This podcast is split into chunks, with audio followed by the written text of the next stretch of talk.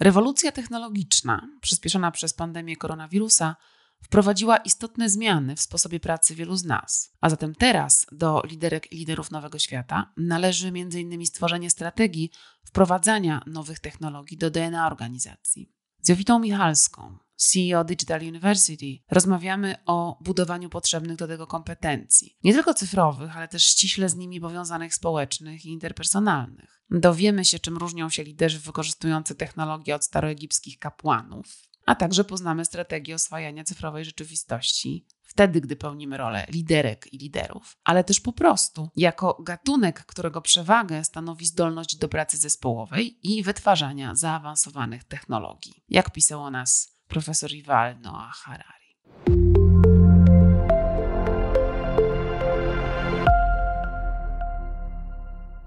Rozmowy z liderami to podcast realizowany w ramach strefy zarządzania Uniwersytetu SWPS, w którym zaproszonych gości pytamy o to, co tak naprawdę oznacza bycie dobrym liderem i czy można się tego nauczyć. Więcej merytorycznych materiałów dotyczących zarządzania znajdziesz na stronie zarządzanie swps.pl oraz w kanałach multimedialnych projektu na YouTube i Spotify.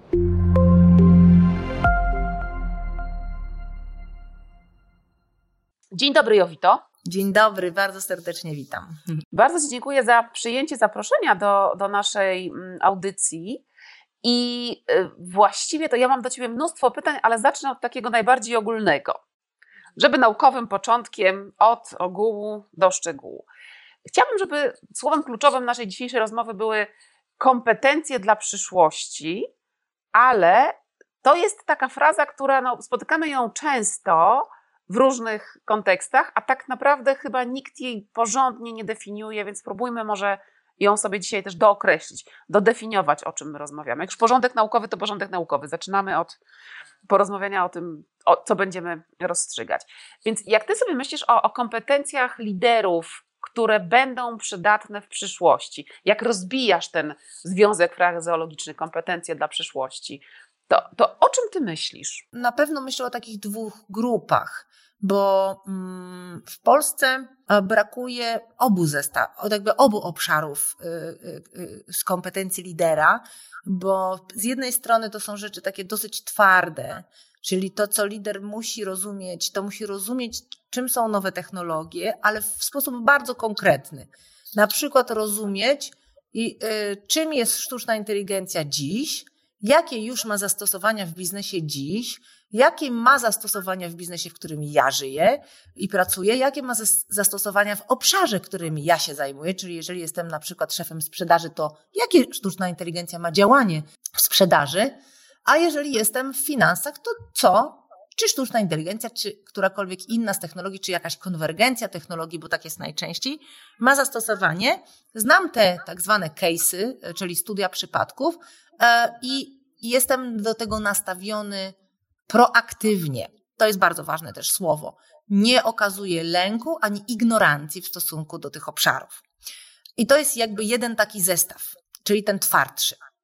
Zestaw miększy to jest taki, że e, zwłaszcza on się obnażył swoją wartość w pandemii, to są te wszystkie rzeczy związane z przywództwem, takie jak właśnie inteligencja emocjonalna, jak umiejętność bardziej empatycznego zarządzania ludźmi, e, taka jak e, też okazywanie prawdziwej, prawdziwego siebie, czy prawdziwej siebie w taki sposób, że jeżeli ja mam problemy z, na przykład z emocjami albo problemy z, z, z jakimiś stanami lękowymi w czasie pandemii, i na przykład chodzę do psychologa, to nie ukrywam tego przed pracownikami i pokazuję taką swoją ludzką twarz. Też też jakby jestem w stanie o tym powiedzieć, żeby być może też innych otworzyć, albo pokazać, że to nie jest nic bardzo złego, zwłaszcza w tym czasie ostatniego półtora roku e, potrzeba tych kompetencji stała się bardzo ważna. Czy ty mówisz trochę o tym, że potrafię korzystać z dobrodziejstw i teraz potrafię korzystać z dobrodziejstw zarówno no, pomocy psychologicznej, jak i pomocy technologicznej.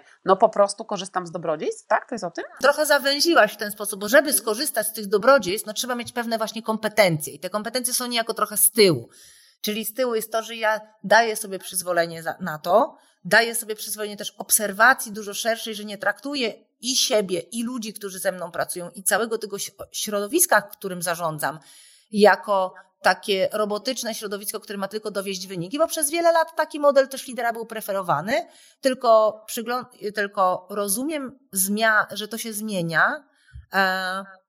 I jestem takim przykładem otwartości na zmiany. To jest szczególnie ważne, jakieś takie moim zdaniem bardzo kluczowe, bo my dużo rzeczy nie jesteśmy w stanie jeszcze przewidzieć, jak ta przyszłość się będzie działa, zwłaszcza takie 10 plus, 10 lat plus, to naprawdę nie wiemy, co się będzie działo. No ostatnie dwa lata to nas nauczyły, że wiesz, rok plus to nie wiadomo. Tak, no my wiemy, że te najbliższe 10 lat to będzie nas, e, e, że tak powiem, częstowało bardzo dużą liczbą zakłóceń i to dobrze wiemy. Miejmy nadzieję, że to nie będą pandemie za każdym razem, że to będą różne rzeczy, które się będą działy, które będą powodowały szybką, dużą zmianę w sposobie, w jaki żyjemy i pracujemy, ale też w sposób, w jaki żyją i pracują nasi konsumenci, więc to będzie też zmieniało nasz biznes oraz otoczenie konkurencyjne. Będzie się trzeba dużo szybciej uczyć, dużo szybciej rozwijać i, i właśnie wprowadzać ciągle te zmiany też wewnątrz tego, co robimy na co dzień.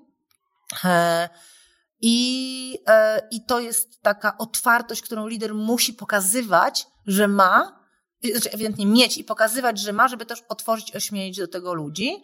Druga to są te rzeczy takie właśnie mocno technologiczne, czyli trzeba się po prostu zacząć tego uczyć, ale ja e, wiem, że bardzo dużo liderów udaje, że wie o, o świecie technologicznym dużo, bo poprzez e, przeczytanie dwóch czy trzech artykułów można zdobyć pewną podstawową wiedzę, a do dyskusji na, nie wiem, na jakichś spotkaniach, do dyskusji, nie wiem, towarzyskich, albo do czasami zaimponowania komuś, że wiem, co to jest sztuczna inteligencja, ale od tego miejsca do miejsca, w którym ja rozumiem mechanizmy zarządzane dzisiaj w biznesie i wiem, kto co wdrożył i jak to wygląda, a jeśli nie, to proszę, to, to proszę firmy technologiczne albo, albo firmy, które, albo moich odpowiedników w firmach, które już coś takiego wdrożyły, o przybliżenie mi tematu, tak żebym rozumiał, czy rozumiała go w praktyce, to są trochę dwie inne sprawy i bardzo mocno zachęcam dzisiejszych liderów o jak najbardziej dogłębne zrozumienie praktyczne aspektów nowych technologii, bo dzisiaj można powiedzieć, że się bardzo dużo mówi o sztucznej inteligencji, choć wiele osób nie odróżnia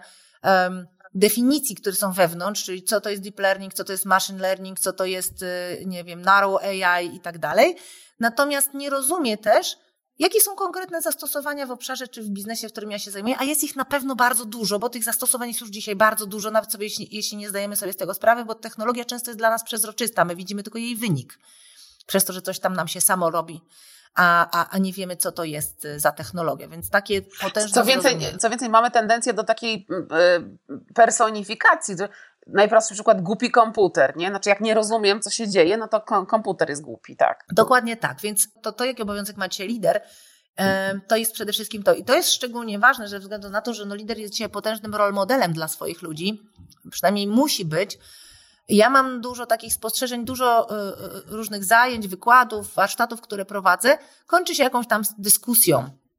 I przyznam szczerze, że w znakomitej części tej dyskusji przeważają jednak y, postawy lękowe, czyli my na koniec, znaczy są pytania do mnie i te pytania są zazwyczaj o to, a jak nam technologia zagrozi, a co technologia, jaką nam może zrobić krzywdę, a ja to jestem, wie pani, jednak przeciwniczką tego wszystkiego, o czym pani mówi, bo to jest po prostu okropne.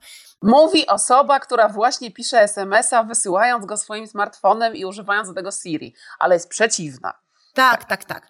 I często y, to y, ten lęk blokuje ludzi przy takim wszystkim podstawowym rozwoju. Ja tłumaczę, słuchajcie, ja wiem, że wy oglądacie filmy i tutaj niestety y, przemysł e, e, rozrywkowy nie robi e, dobrej roboty dla nas, robi krecią robotę, bo po pierwsze personifikuje technologię jako, takie, jako takiego strasznego, okrutnego robota mordercę często i to była taki, taka tendencja w latach 80. poprzedniego wieku, ale teraz jest również, jak przyjrzymy się filmom, które powstają o takich, takim trochę futurystycznym, to one zazwyczaj mają bardzo negatywny wydźwięk.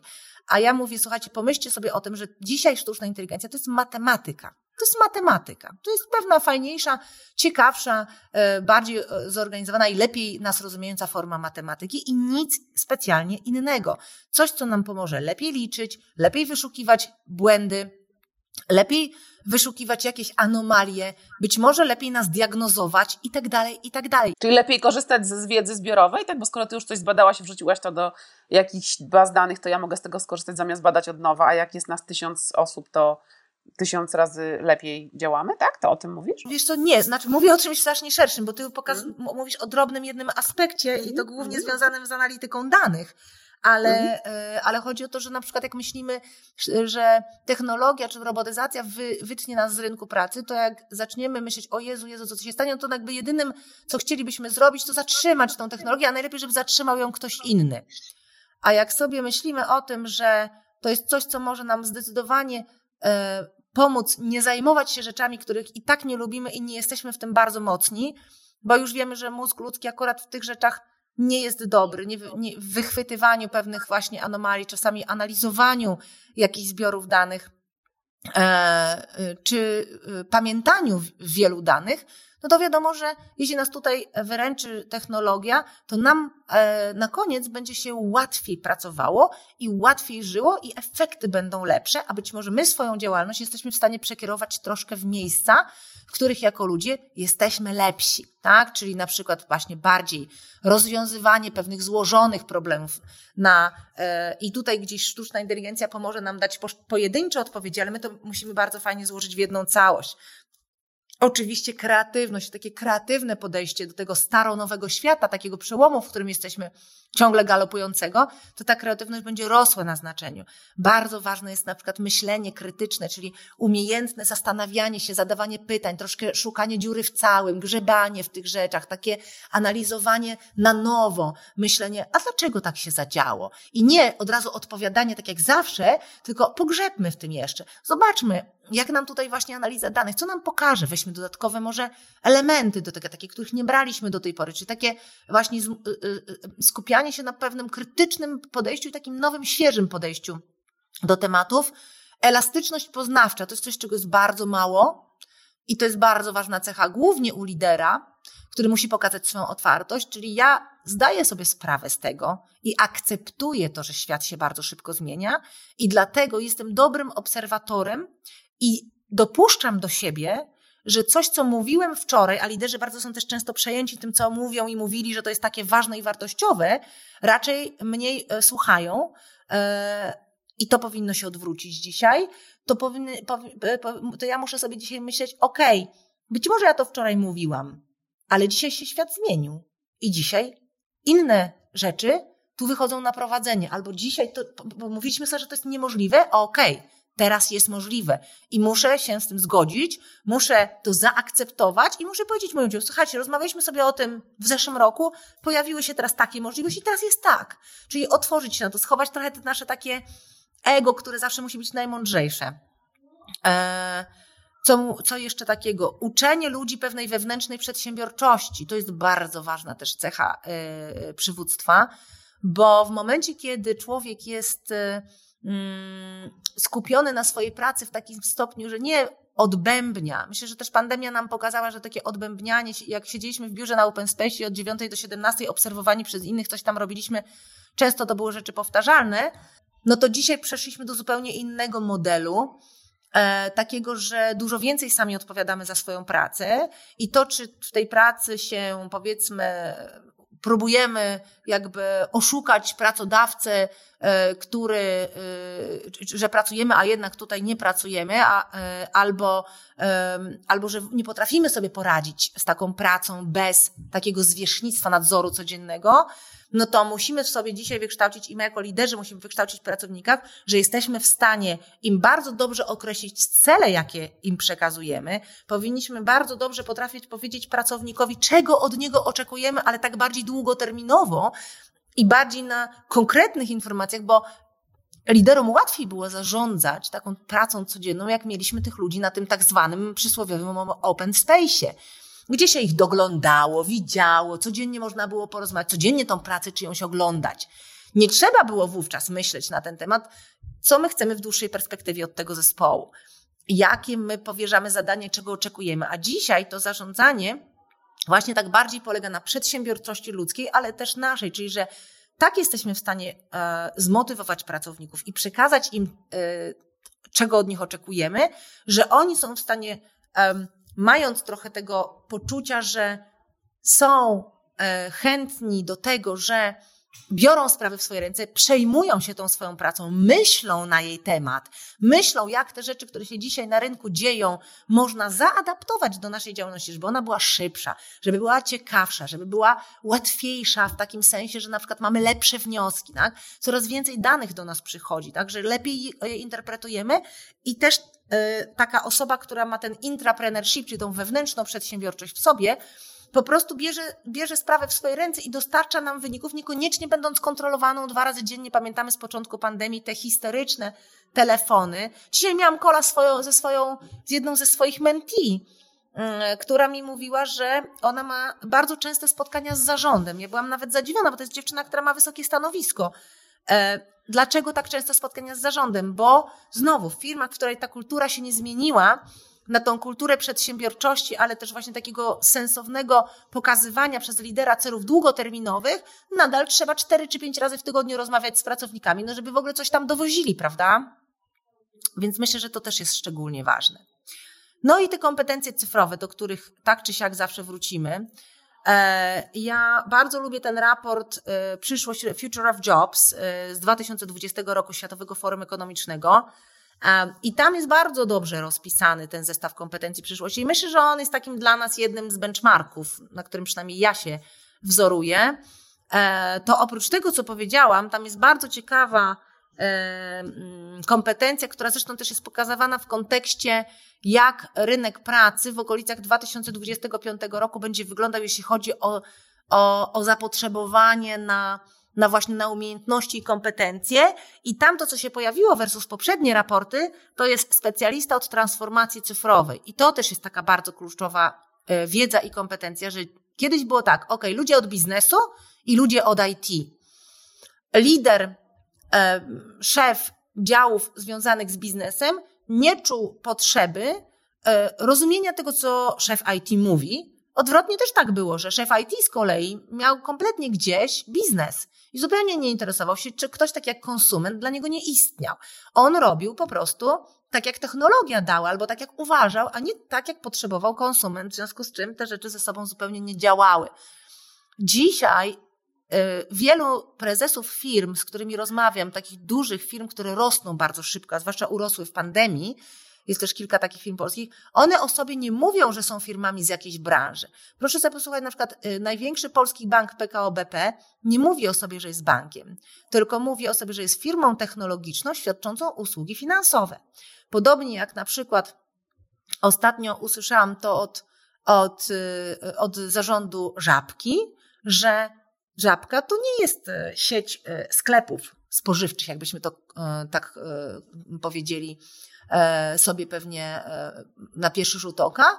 Nie, oni są firmą technologiczną świadczącą właśnie sprzedaż, między innymi, bo tak naprawdę posiadając technologię, posiadając dane, posiadając taki bardzo mocny dostęp do, do swojego konsumenta, można zaczynać świadczyć zupełnie inne usługi w zupełnie innych sektorach.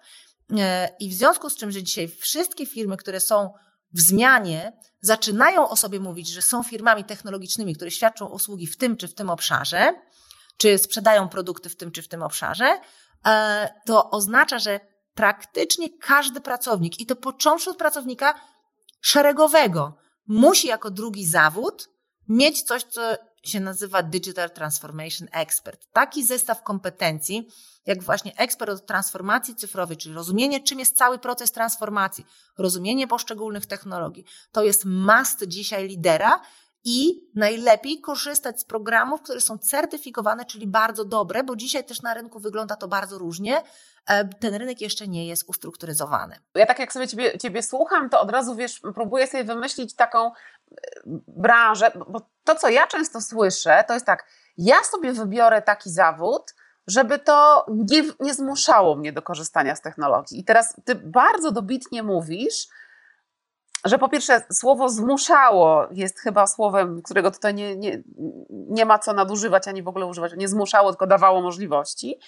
A, a po drugie chyba się nie da, bo jak sobie na przykład przyszło mi do głowy, że będę rolnikiem i będę produkować buraki, nie? Ale teraz zobacz, że ta, te, te aplikacje Nasz Rolnik, że tam zamawiasz sobie od rolnika te świeże buraki, no to robisz to przez aplikację, więc w pewnym sensie, żeby te buraki dotarły do konsumenta, to jesteś firmą technologiczną świadczącą usługi w dostarczaniu żywności. I warto to dzisiaj zrozumieć. Po pierwsze, od razu też taka moja może rada mała. Nie ma się czego bać, znaczy nie ma się przed czym też tak uchowywać, bo technologia bardzo dużo wnosi wartości dla nas postaci najważniejszej rzeczy, która jest dla nas e, kluczowa, czyli czasu.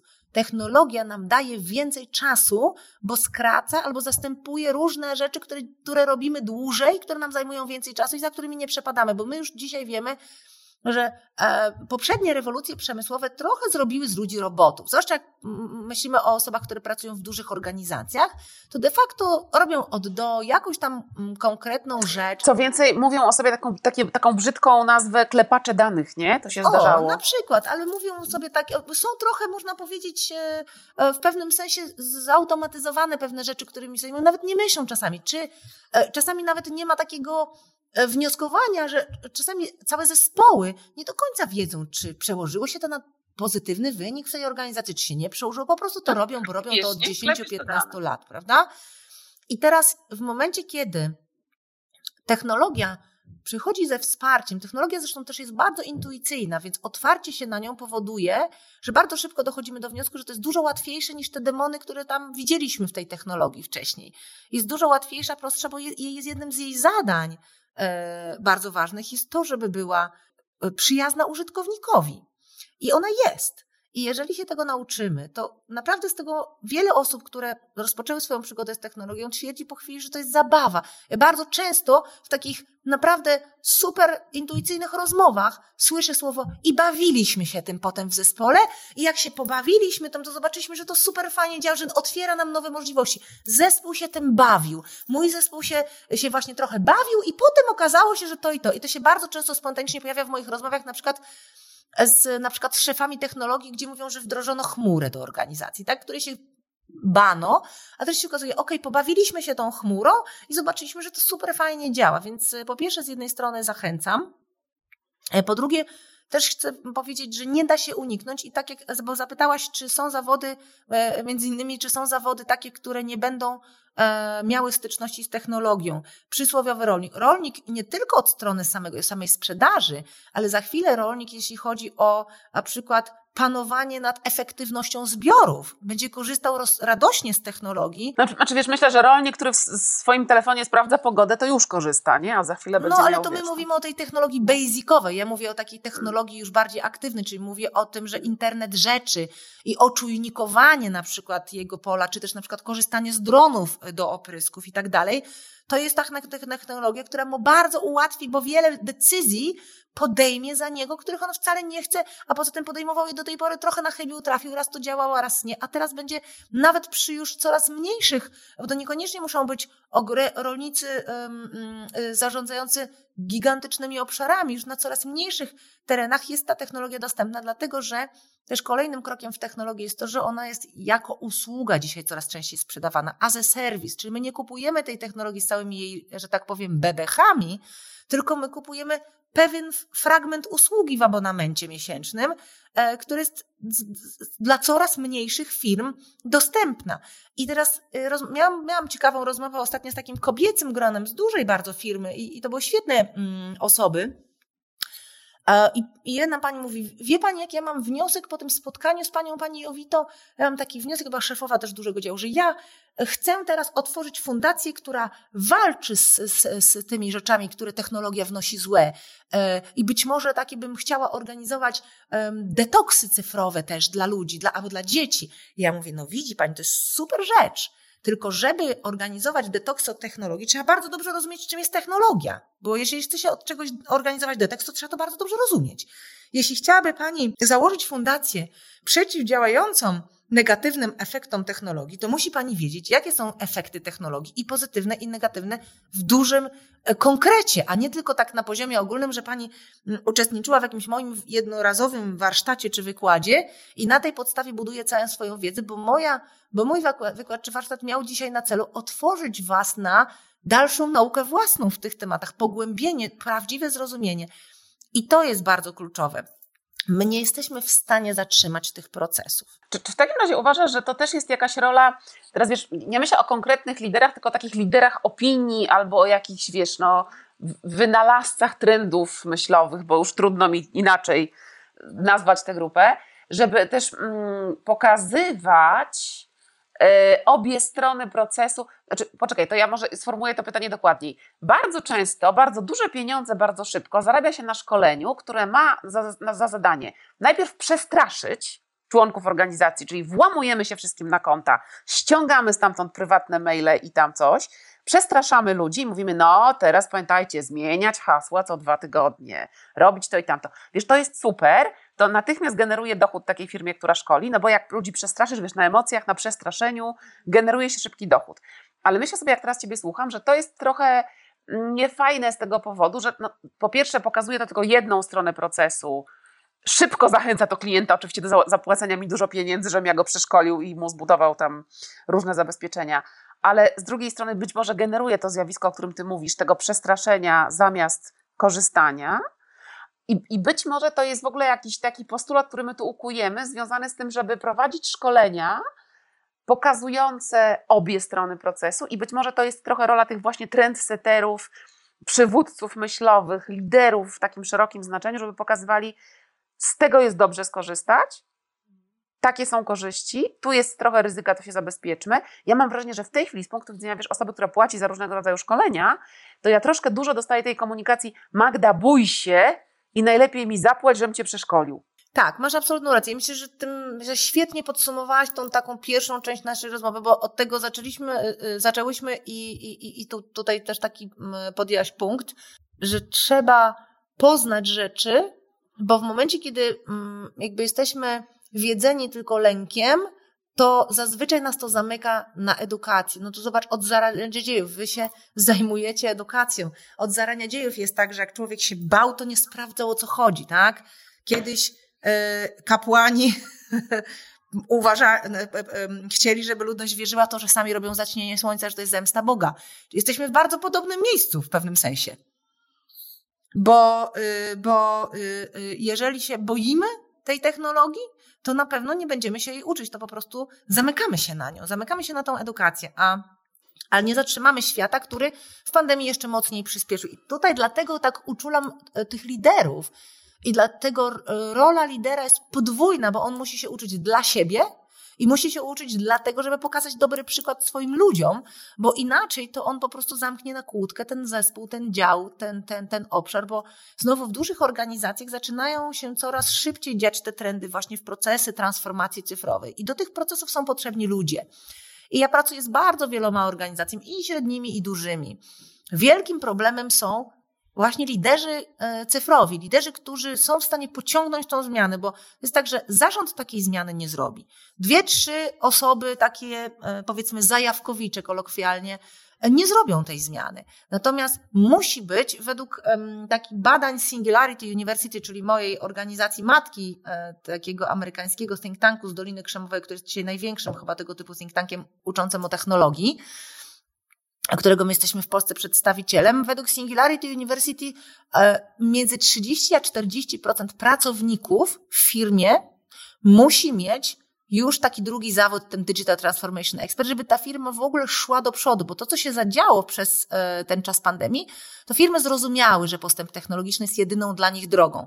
Zauważyły, że te firmy, które zainwestowały w technologię wcześniej, stały się odporne na takie turbulencje, jakim była, przynajmniej częściowo odporne, takie turbulencje, jaką była właśnie turbulencja związana z pandemią. I teraz te wszystkie inne firmy zaczęły do, dołączać, czyli tej technologii bardzo dużo się kupiło do organizacji, ale technologia sama w tej organizacji niewiele zdziała, jeżeli ludzie nie, na, y, nie nauczą się jej używać. Wówczas dopiero na styku tych dwóch rzeczy, czyli człowiek i technologia, czy to będzie software, czy to E, czy to cokolwiek innego, dopiero na styku tych dwóch rzeczy zaczyna się prawdziwe działanie. Wtedy technologia wchodzi do tak zwanego DNA organizacji i wtedy zaczynamy móc mówić o tej firmie, że to jest firma wspierana, e, że to jest firma e, technologiczna, która robi to i to. Tylko potrzebne są te dwa obszary. I to, czego na świecie brakuje, bo Polska nie jest tu jakoś unikalnym krajem, to są właśnie te kompetencje u ludzi. I dlatego tak dużo o tym dzisiaj mówimy. Dlatego tak koniecznie trzeba się nad tym pochylić i zacząć te kompetencje w sobie budować. Warto sobie e, taką checklistę e, ściągnąć, czyli ile ja tych kompetencji przyszłości rzeczywiście w sobie mam, ilu muszę się jeszcze nauczyć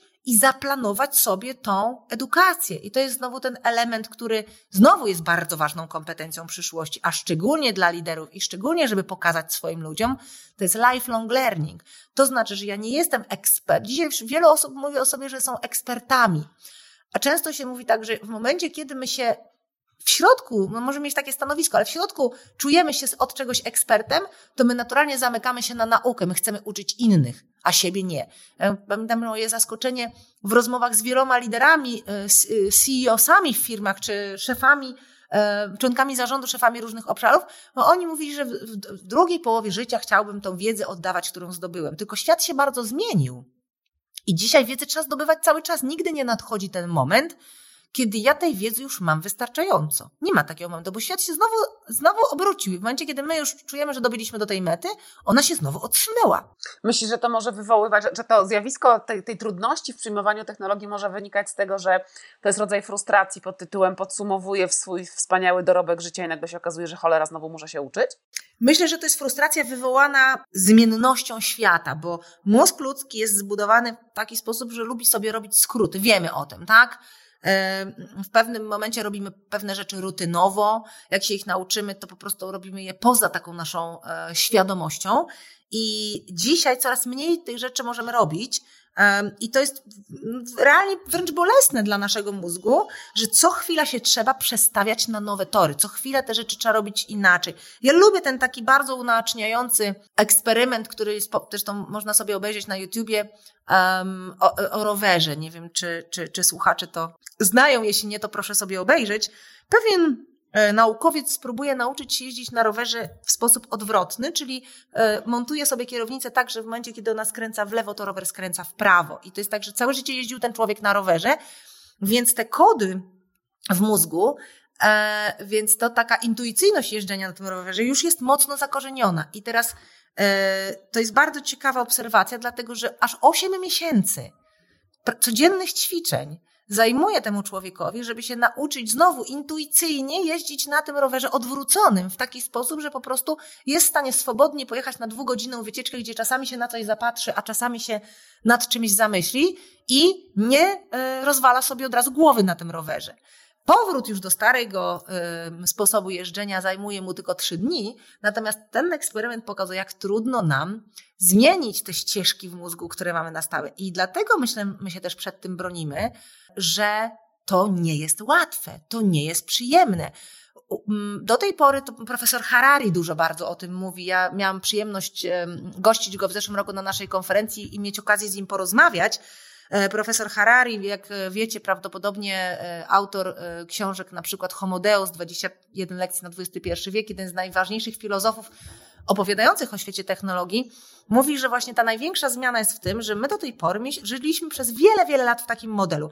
Do 24, 5, no do 28 roku życia uczę się, prawda? Może nawet jakieś studia podyplomowe czy coś, ale to jest jakby kończący się proces, a potem ja tylko już pracuję, korzystam z tej wiedzy, mm, też rozwijam, e, rozwijam sobie już tylko te kompetencje oparte na doświadczeniu z pracy, ale już edukacja jako taka jest poza mną. I teraz ten pewien sposób życia w nas się zakorzenił. Jeśli teraz to się dokument nie zmienia, a dokładnie jest taki moment, kiedy się dokument nie zmienia, w ogóle to musimy wyrzucić do śmieci i uczyć się cały czas, to my, dorośli ludzie, musimy wypracować w sobie nowy model uczenia się, bo my jego nie znamy, nie mamy. My się uczyliśmy, zazwyczaj kuliśmy się, jak na przykład ja to robiłam, 24 godziny przed egzaminem, wszystkiego tak już po prostu, prawda, na granicy śmierci mózgu, zdawaliśmy egzamin i potem ta wiedza sobie ulatywała w większości przypadków. No zwłaszcza, że to bolało, no to, no to aktywnie się czyściła pamięć, nie? Ale wiesz co, przepraszam, że ci tu wchodzę w słowo, czy, czy w takim razie to jest też postulat o takim wyrzuceniu, bo tak wyrzucamy do śmietnika postulat pod tytułem uczeń versus uczony, czyli uczeń versus mistrz. Znaczy mistrz, jak się nie uczy, nie jest uczniem, to już nie jest mistrzem. To jest jeden postulat, który, który zmieniamy. A drugi postulat to jest też trochę taki, wiesz co, ja coraz częściej się z tym spotykam i chyba coraz więcej też o tym myślę, bezsensownego podziału na teoretyków i praktyków. To znaczy, teoretycy to są ci, co wkuwają albo każą wkuwać, a praktycy to są ci, co robią, bo nie masz szans rozwijać praktyki bez pogłębiania wiedzy teoretycznej. Też powiedziałaś taką ciekawą rzecz, że bazuje na doświadczeniu i już się nie muszę uczyć, ale bez znajomości no, bebechów, technologii rozumienia tego wszystkiego, co się tam dzieje, nie rozumiem na przykład, dlaczego to funkcjonuje, nie rozumiem, dlaczego mi się to udało. A jak się zepsuje, to nie rozumiem, dlaczego się zepsuło. Więc Akurat tego nie będziemy się musieli uczyć, na szczęście. To znaczy, technologia i jej gwałtowny bardzo rozwój pozwala na to dzisiaj, że mhm. nie musząc znać bebechów, ani nie musząc wiedzieć, mhm. dlaczego się zepsuło, jesteśmy w stanie na co dzień znowu cudownie z niej korzystać. Zazwyczaj technologia w najbliższych latach zacznie się już troszeczkę naprawiać sama. Systemy sztucznej inteligencji pomagają e, powiedzieć, kiedy maszyna się zepsuje, zanim ona się fizycznie zepsuje, a poza tym nie, e, ja na przykład jestem też dobrym, e, dobrym jakby przykładem mm, tego, że ja nie znam się na bebechach technologicznych, natomiast bardzo dobrze rozumiem, w jakim obszarze co technologia jest w stanie zrobić. Jestem w stanie jej użyć, jestem w stanie zarekomendować. Rozumiem to z punktu widzenia strategicznego. To jest rola. Bebechy musi znać IT, to też już coraz rzadziej a cała masa innych ludzi poza IT musi rozumieć technologię, do czego ona służy, gdzie ja ją mogę zastosować i jakie benefity będą z tego płynęły. I muszę się tego uczyć i muszę się w tym świecie rozwijać. Czyli nadal muszę znać swoją branżę po prostu bardzo dobrze. Tylko Nie to, tylko branżę. Po raz pierwszy, i dobrze, że to powiedziałaś, po raz mhm. pierwszy muszę się zacząć ogarniać też poza branżą bo my musimy y, nie tylko wąsko się specjalizować, ale szeroko się rozeznawać. Czyli, bo dla, e, dlaczego? Bo technologia nie zmienia biznesu w taki sposób, że wchodzi do naszej branży i oto weszła do naszej branży, teraz wszyscy ją wdrażamy. Często technologia taka, która wprowadzi bardzo dużo zamieszania do mojej branży albo do mojego obszaru, przyjdzie spoza tej branży albo spoza tego obszaru. I dlatego najciekawsze e, studia przypadków wdrożeń technologicznych, takie bardzo przełomowe, e, pokazuje się wtedy, kiedy zastosowaliśmy u nas coś, co jest z zupełnie innej branży.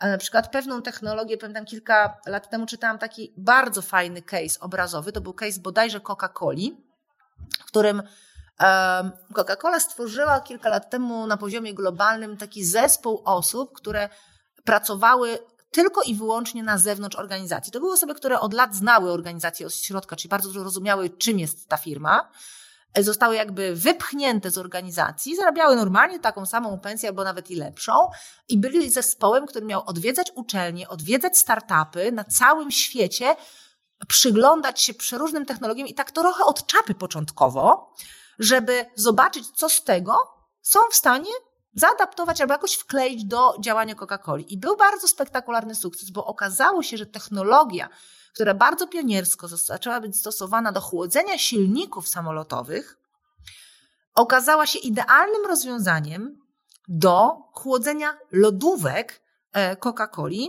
e, dlatego że e, w pewnym momencie odkryto, że światło zimne dużo lepiej eksponuje towary w lodówkach.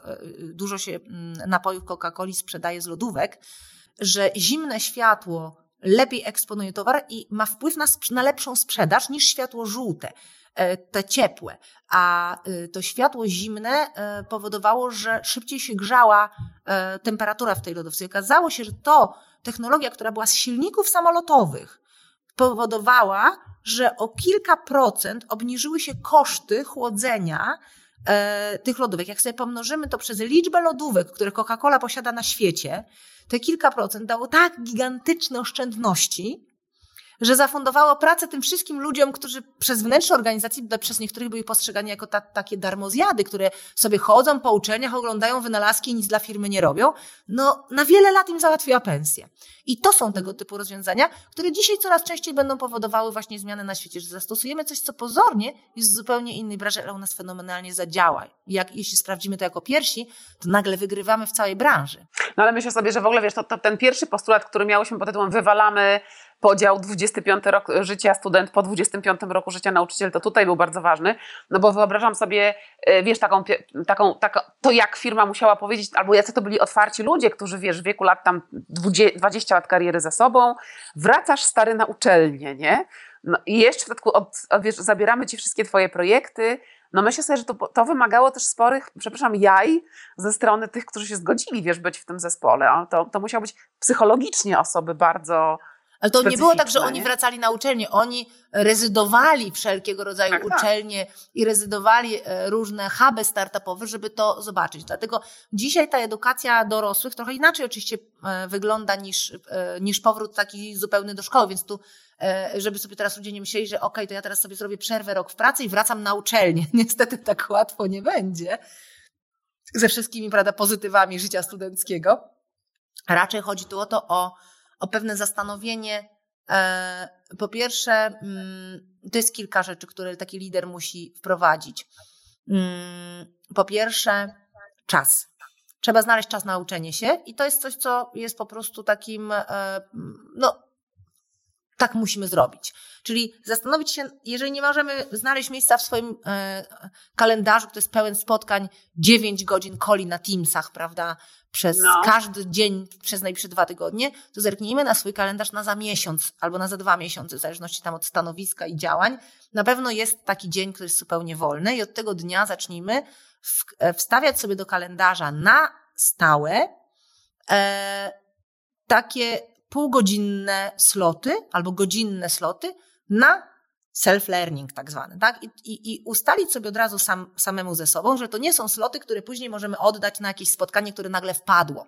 Tylko to są, że to jest inwestycja w nas. Więc to jest to najważniejsze, a to mniej ważne to jest jakieś tam. Dokładnie, od jednego kola jeszcze nigdy, nigdy nikomu tak. świat się nie zmienił.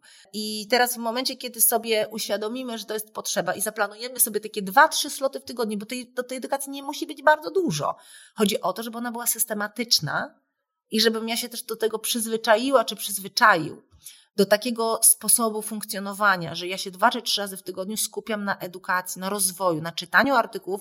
Na początek, przy początkowych takich mm, e, latach czy chwilach przygody z technologią, polecam raczej korzystanie z mm, jakiejś wiedzy, co do której jesteśmy pewni, że ona jest prawdziwa, bo jest bardzo dużo też fake newsów, ale nawet jeżeli nie natrafimy na fejka, to możemy trafić na osoby. Dzisiaj jest bardzo dużo kontentu w sieci.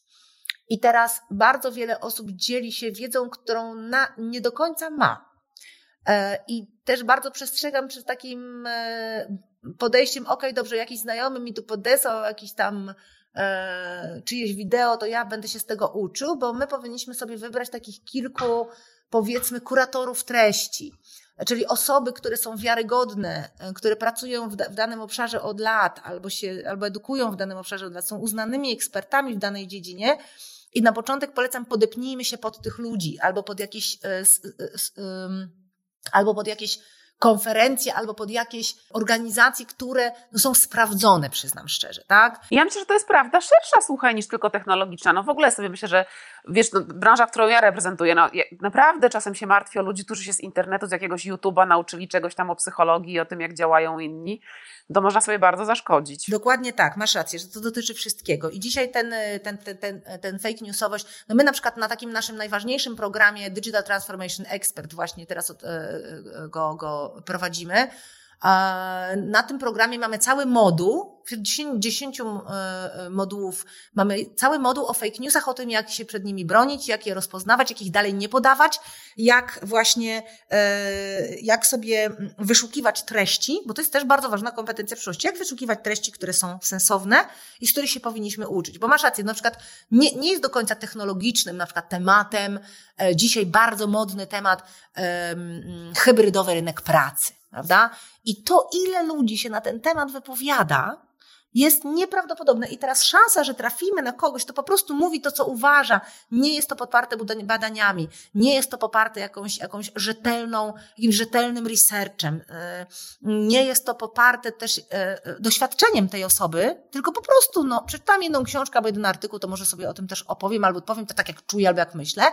I dzisiaj, ponieważ jest pewna łatwość dzielenia się w sieci wiedzą, czy też jakąś tam potencjalną wiedzą, to też jest dużo większa łatwość trafienia na treści, które, których nie powinniśmy, z których nie powinniśmy się uczyć. Więc, e, ale, e, więc, więc to jest, to jest takie, takie kluczowe, czyli ten czas i jakość tych treści, które przyswajamy. To są takie dwie podstawy w, tych, w, tych, e, w tym obszarze. tu bym, bo wracając do tego, co lider, Tutaj lider też może być takim prowodyrem na przykład tego typu w ogóle mm, postawy, czyli ja, jest, ja mam postawę uczącą się jako lider. Nie ja ci powiem, jak ma być, choć razem się nauczmy. E, lider może wszelkiego rodzaju inicjatywy wprowadzić swoim ludziom. Bardzo fajne. Pozwolić im na wprowadzenie różnych inicjatyw. Na przykład peer-to-peer, e, na przykład learner taki, że dwie osoby się dobierają. Jedna sobie się uczy w tym tygodniu tego, druga tego, a potem się tą wiedzą dzielą. To ma wiele benefitów z tym związanych. Po pierwsze jest trochę bat nad tyłkiem, bo jak za tydzień mam komuś o czymś powiedzieć, to rzeczywiście muszę się tego nauczyć. Po drugie, nie muszę czytać tych dwóch rzeczy, tylko jedną, bo potem ta osoba swoimi słowami się ze mną tą wiedzą wymieni, więc jest cała masa związanych z tym plusów. Można robić e, w, w, organizacji dla pracowników fajne konkursy książkowe. Rozdajemy sobie po książce, a za trzy miesiące czy za dwa miesiące e, robimy sobie taką serię spotkań. Niech to będzie na przykład spotkania przy pizzy dla pracowników, co, co też ludzi fajnie dodatkowo integruje, albo nawet jeżeli one będą online, to niech one będą jakieś tam, jakimś na przykład wytchnieniem, niech będą w trakcie pracy, na przykład niech to będzie spotkanie od dziewiątej do dziesiątej raz w miesiącu, na którym ktoś opowiada o tej książce, którą przeczytał. No słuchaj, jak chcemy być firmą uczącą się, no to ty zdefiniowałaś firmę uczącą się. Nie? Jest mnóstwo dywagacji na temat tego, jak tę firmę uczącą się wprowadzić. No tak właśnie, nie? Znaczy niech to będzie przyjemne i sympatyczne. Tak, bo te excuse, te takie właśnie yy, stopery, które sobie wprowadzamy, oj, nie mamy budżetu, oj, jest za mało czasu, bo firma jest w pandemii, są ciężkie czasy, a potem, oj, nie będziemy tego robić w online. Ja tak tłumaczę mojej 11-letniej córce że jak sobie siedzimy tutaj we dwie, to ty możesz uważać, że to jest beznadziejne, a ja mogę uważać, że to jest fajne, w zależności od tego, jakie elementy z tego sobie weźmiemy. Ty możesz powiedzieć, że jest za gorąco i na przykład, że są muchy, a ja mogę powiedzieć, że jest wspaniały widok na jezioro i, yy, i trochę się opalam, tak? A to jest yy, zawsze dodatkowa dawka witaminy D. Więc to jest trochę wyszukiwanie. Jeżeli będziemy chcieli mieć te, te, takie negatywne podejście, jako liderzy, to po pierwsze zrobimy krzywdę pracownikom, bo oni zawsze będą na nas patrzeć, na to, co my sobą reprezentujemy. A jeżeli będziemy otwarci na te zmiany, będziemy sami mieć ten, e, uczyć się i dzielić się tą, tą, tą radością i tą, tym pędem do e, edukacji z innymi, będę, będziemy samemu eksperymentować, będziemy się otwierać na to eksperymentowanie, to będziemy takich ludzi do siebie przyciągać i taki będziemy mieć zespół i takie będziemy mieć wyniki i efekty. No ale to ty w takim razie pięknie powiedziałaś o empatii jako kompetencja lidera. Empatia łączona z technologią. Wiesz, miałaś opowiadać o technologii, powiedziałaś o empatii. Słuchaj, ja ci chyba muszę jeszcze raz zaprosić, bądź od nowa zrobić spotkanie, żebyś jednak o tej technologii poopowiadała, bo cały czas o tej empatii opowiadałaś. To prawda, ale opowiadałam dużo o uczeniu się technologii, tak? tak? O tak, tym, tak. to, to, to też jest, to jest, bo lider musi z empatii działać, znaczy z tego, z tego, z tego punktu wychodzić bardzo często, natomiast musi być, musi być rol modelem. Musi być kimś, kto pokazuje, jak to trzeba robić, dlatego sam musi być tutaj w pewnym sensie idealny. Nie może sobie pozwalać na przykład na to, że przyjdzie i e, z zespołem e, na przykład e, psioczy na technologię. Tak? Na to sobie lider nie może pozwolić, bo wtedy będzie w to grać zespołowi, tym wszystkim marudom z zespołu, których mamy zawsze, jak przynajmniej jedną osobę, która jest zawsze na nie, zawsze na andy, to to jest woda na, na, na, na młyn tej, takiej osoby i tego nie możemy robić. To jest tak, że... No to mówiłyśmy o zarządzaniu lękiem, nie? To on wtedy rośnie po prostu. No. Ale, ale warto na przykład zgrupować tych ludzi, którzy mają pozytywne podejście w zespole i też zachęcić ich do tego, żeby tę y, część y, tego nowego świata pokazywali innym, żeby z nimi rozmawiali. Co, ja nawet, nawet myślę, że ten psiotrzący to może być ważny składnik takiego zespołu. No to choć nauczymy się. Ty, ma, Smurf Maruda też. I potem jak to przejdzie przez test Smurfa Marudy, że on już mu się podoba, to znaczy, że naprawdę klientom też się spodoba, nie? No, no to Smurf Maruda jest w każdej wiosce potrzebny, no. Dokładnie. Słuchaj, a mm, tak już kończąc y, trochę nasze opowieści, bo to wiesz, nie wiem, czy ty poczułaś, ale to już zeszła nam tutaj y, dobra, dobra część wykładu.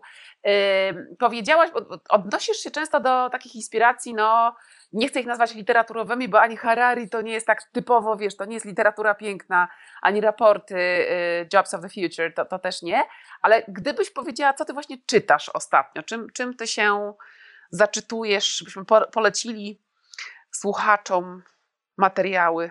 Oprócz oczywiście prawdopodobnie kryminałów o inteligentnych domach, które zabijają swoich właścicieli, bo na pewno takie czytasz, tak? Ja nie czytam kryminałów w ogóle. Okay. Ja y, akurat zupełnie tak przypadkowo Ja jestem mm, zakochana w książkach i, i książki są bardzo ważną częścią mojego całego życia. Dużo poświęcam na to czasu. Przyznam, ja czytam około gdzieś mniej więcej godzinę dziennie czytam zawsze. No to jest ten czas self-learningu też, nie? Tak, tak, tak, tak. To jest czas. Znaczy, oczywiście e, z moją pracą jest czytanie bardzo mocno związane, głównie dlatego, że e, to jest e, mm, praca związana z edukacją, a szanując swoich odbiorców, chcę być zawsze bardzo na bieżąco, ponieważ technologia codziennie nam daje jakąś ciekawą nową naukę, plus często mnie pytają też dziennikarze, albo często uczestniczę w różnych wywiadach, spotkaniach, to chcę wiedzieć dokładnie e, to, co się codziennie dzieje. Więc moje, e, nawet też czytanie newsów jest trochę inne, bo ono jest głównie, to są newsy z tematyki około technologicznej. A poleć strony, poleć jakieś witryny, które ty na przykład przeglądasz. Mhm. Tutaj, że tak powiem, zrobię trochę małej prywaty, ale z pełną taką wiarą w to, co powiem. To bardzo gorąco zachęcam do zapisania się do newslettera Digital University, bo my y, taką naszą działką filantropijną też jest to, że my przeszukujemy cały światowy internet, a w dużej mierze przedrukowujemy i, i tłumaczymy na polskie artykuły z Singularity University, która jest y, takim, no mówię, ośrodkiem e, edukacyjnym z samego centrum Doliny Krzemowej i my jesteśmy takim właśnie kuratorem treści, więc w naszym newsletterze na którym mamy już kilka tysięcy zresztą odbiorców, e, jest w każdym jakiś temat, czy to, długo, czy to e, długość naszego życia w oparciu o technologię, czy to kompetencje przyszłości wałkujemy non-stop. Są artykuły, które są już, że tak powiem, przesiane przez nas, przejrzane i przetłumaczone na polski. Z tymi tłumaczeniami też bardzo różnie bywa, bo jeśli ktoś nie porusza się w słownictwie, to nie przetłumaczy też dobrze. Ja widziałam książki przetłumaczone w tak straszny sposób z angielskiego, że w ogóle nie mówią o tym, co tam było w tej anglojęzycznej napisane, więc e, to, e, więc, więc jakby polecam to, e, jeśli chodzi o strony. Polecam bardzo kilka książek, które ja ostatnio czytałam. O tematyce technologicznej bardzo polecam książkę, mm, książki dwie. Jedna to jest książka zresztą mojego globalnego szefa, Petera Diamandisa, szefa Singularity University. E, Peter jest e, uważany za jedną z 50 najważniejszych osób od, od technologii na świecie. Obok Harariego, obok Ilona Maska, on jest w tej grupie wymieniany, Peter Diamandis. I świeżo przetłumaczona na polski jego książka, która została wydana w zeszłym roku, Future is faster than you think. Po polsku ten, to jest tytuł e, Przyszłość mm, jest szybsza niż nam się wydaje. Chyba taki jest tytuł. I to jest książka, która właśnie rozdział po rozdziale tłumaczy każdą nową technologię, jaka jest jej geneza, bardzo ciekawej takiej storytellingowej formule, więc to jest bardzo fajne, e, bo się dobrze czyta, historia tej technologii. E, w ogóle jest też Peter tłumaczy e, ten taką, te prawo 6, 6D, czyli to, jak się rozwija każda technologia, bo my od dwudziestu paru lat, a nawet od niekiedy no, pewne technologie pierwszych podwaliny powstały w latach 60. poprzedniego wieku to zawsze tak samo technologia się rozwija, ma pewien ten taki e, e, swój ustalony rytm i też w ten sposób, jak rozumiemy ten rytm, to jesteśmy w stanie zobaczyć, która technologia jest w którym miejscu tego rytmu, czyli kiedy najprawdopodobniej wystrzeli masowo. To jest też bardzo ciekawe, więc gorąco polecam tą książkę. Potem druga część tej książki jest o tym, jak technologia, najpierw są wytłumaczone wszystkie technologie, a potem jest pokazane, jak technologia w dłuższej perspektywie wpłynie na poszczególne gałęzie biznesu, jak na przykład będzie wyglądała działka rozrywkowa przy takim dużym wpływie technologii, jak będzie wyglądało handel przy tak dużym wpływie technologii, jak będzie będą wyglądały finanse. Bardzo dobrze, fajnie, prosto napisana. E, zresztą Peter Diamandis ku mojej ogromnej radości będzie w tym roku gościem na naszej e, na naszej konferencji Masters and Robots, więc też będzie można go posłuchać. Natomiast tę książkę polecam, to jest taki must e, read jako pierwszy. A drugą książkę, którą bym chciała powiedzieć, to też jest absolutnie świetna, podejmuje ten temat ten sam, ale z innej strony to jest e, książka profesora Andrew McAfee'ego z MIT. E, no, ja można powiedzieć, że do profesora Andrew McAfee'ego się e, regularnie modlę, że tak powiem, praktycznie do jego wiedzy i umiejętności łączenia kropek, bo to jest wybitna umiejętność dzisiaj ekspertów. E, Andrew McAfee jest e, świetnym e, specjalistą, chyba jednym z największych na świecie od przyszłości rynku pracy, od automatyzacji rynku pracy. On, pierwszą książkę o transformacji cyfrowej Andrew McAfee napisał w 2016 roku i ja do dziś uważam, że nie napisano lepszej książki. On razem z profesorem Bjorlofsonem 2,5 tysiąca case'ów na świecie firm, które szybko zaadoptowały, zaadaptowały technologię przejrzał i zanalizował i opisał w, książce. Natomiast ta książka, którą polecam bardzo przeczytać, jest również przetłumaczona na polski i to jest książka Maszyna, Platforma, Tłum. E, czyli po angielsku Machine Platform Crowd. E, to jest książka, która pokazuje e, po pierwsze rozwój technologii, ale z perspektywy mm, tego, jak maszyny wejdą w rynek pracy, jakie są prognozy i co to prawdopodobnie się zadzieje. Z drugiej strony, jak platformizacja daje firmom przewagę konkurencyjną, czyli wcześniej mieliśmy, mieliśmy korporacje z silosami w środku, a dzisiaj jak popatrzymy na dominantów rynku światowego, Google, Facebook i Microsoft i tak dalej, to są dzisiaj platf ogromne platformy, ko konglomeraty, a nie już wcale pojedyncze firmy i warto o tym poczytać. No i o inteligencji tłumu, tak? O tym, że, e, o tym, o tym że, że dzisiaj e, też e, bardzo E, istotnym elementem technologii jest też zarówno kolektywna inteligencja, z której można korzystać, jak taka, jak i e, no tam cały, cały, cały szereg ciekawych aspektów. No nie będę spoilerować tej książki, bardzo polecam ją przeczytać. I myślę, że to są takie dwie. Jeśli ktoś nie czytał Harariego z jakiś, w jakiś sposób. E, bo, bo mieszkał w jaskini przez ostatnie trzy lata. Ale też tak można. Albo ma tą książkę i oglądał sobie ją tylko, albo przeczytał spis treści, E, to warto Harariego przeczytać. E, nie wiem, którą ty byś rekomendowała jego książkę jako pierwszą. Ja chyba Homodeus bo o ile ja osobiście się z e, pierwszej jego książki, czyli e, Brief History of Humankind, krótka historia ludzkości, się najwięcej nauczyłam, ale tam miałam największe braki wiedzowe, mhm. to o tyle wydaje mi się, że dla osób chcących nauczyć się mm, tematów technologicznych, ten Homodeus albo 21 lekcji na XXI wiek pewnie będzie najlepsze.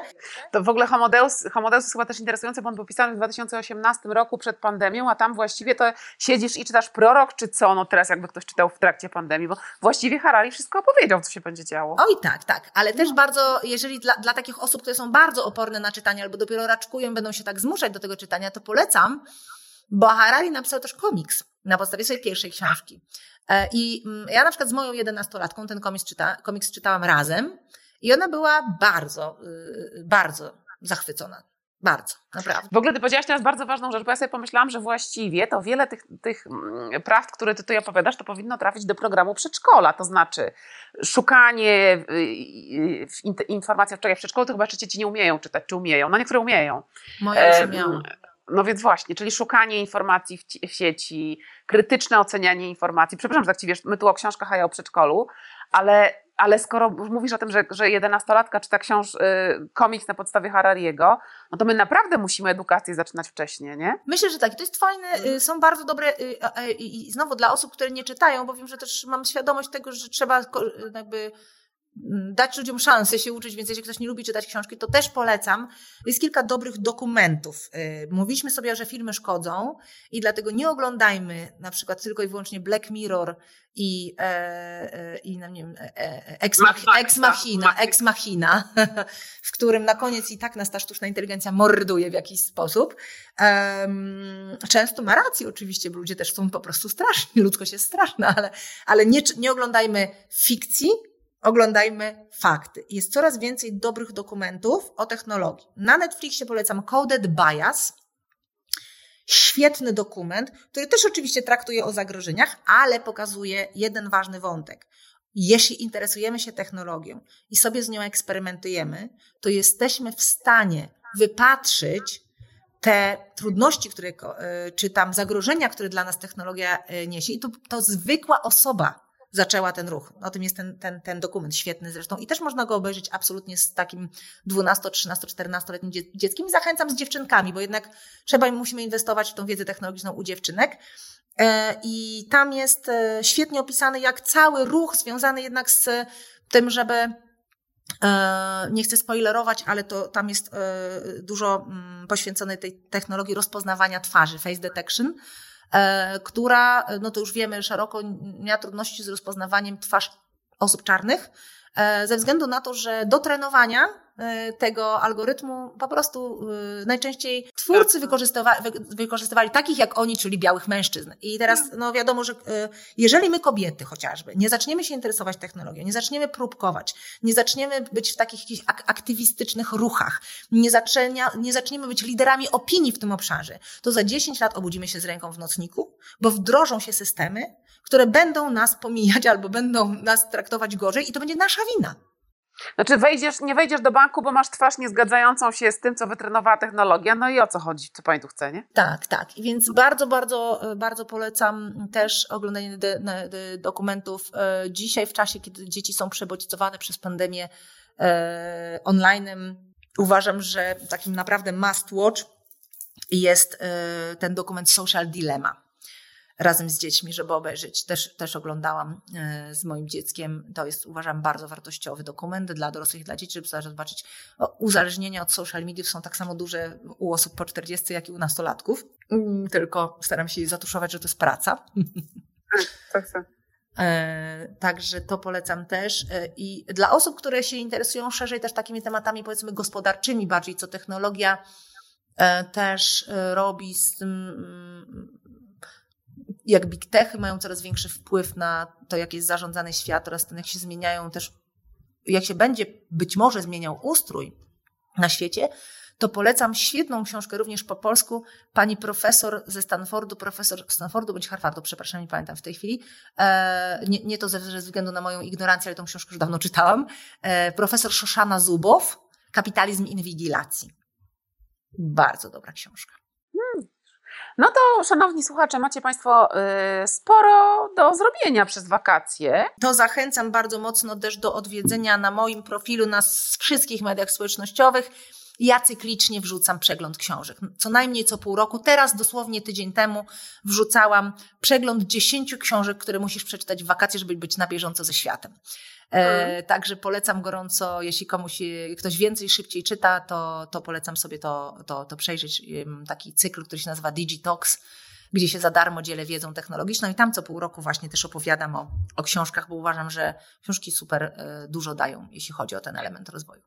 To ma jeszcze jedną zaletę, taką powiedziałabym na czasie, to tym razem ja swoją prywatę, a mianowicie to jest teraz taki czas, kiedy studenci, którzy idą na czwarty rok, zaczynają się zastanawiać nad wyborem tematu pracy magisterskiej i tak dalej, i tak dalej, i chodzą, szukają inspiracji, no to macie Państwo inspirację w bardzo szerokim zakresie podaną i bardzo Państwa zachęcam. Jowito, bardzo, bardzo, bardzo Ci dziękuję za, za fantastyczną rozmowę. Wątki wszelakie i nabrzmiałe. Myślę, że to można by było pół roku z Tobą rozmawiać. A, dziękuję bardzo, jest e, niezwykle miło. Jeśli się zgodzisz, to Cię bardzo chętnie zaprosimy, by kontynuować różne nasze dywagacje. Pewnie. E, zapraszamy też Państwa, którzy nas e, słuchacie na podcasty Strefy Zarządzania Uniwersytetu SWPS i do subskrybowania naszych kanałów na YouTube i Spotify, to wtedy będziecie Państwo po prostu na bieżąco z informacjami i materiałami. Będzie sobie można przypomnieć wszystko, co Jowita Michalska dzisiaj opowiadała. Jeśli ktoś nie zdążył zrobić notatek, bo akurat słuchał nas jadąc gdzieś na przykład.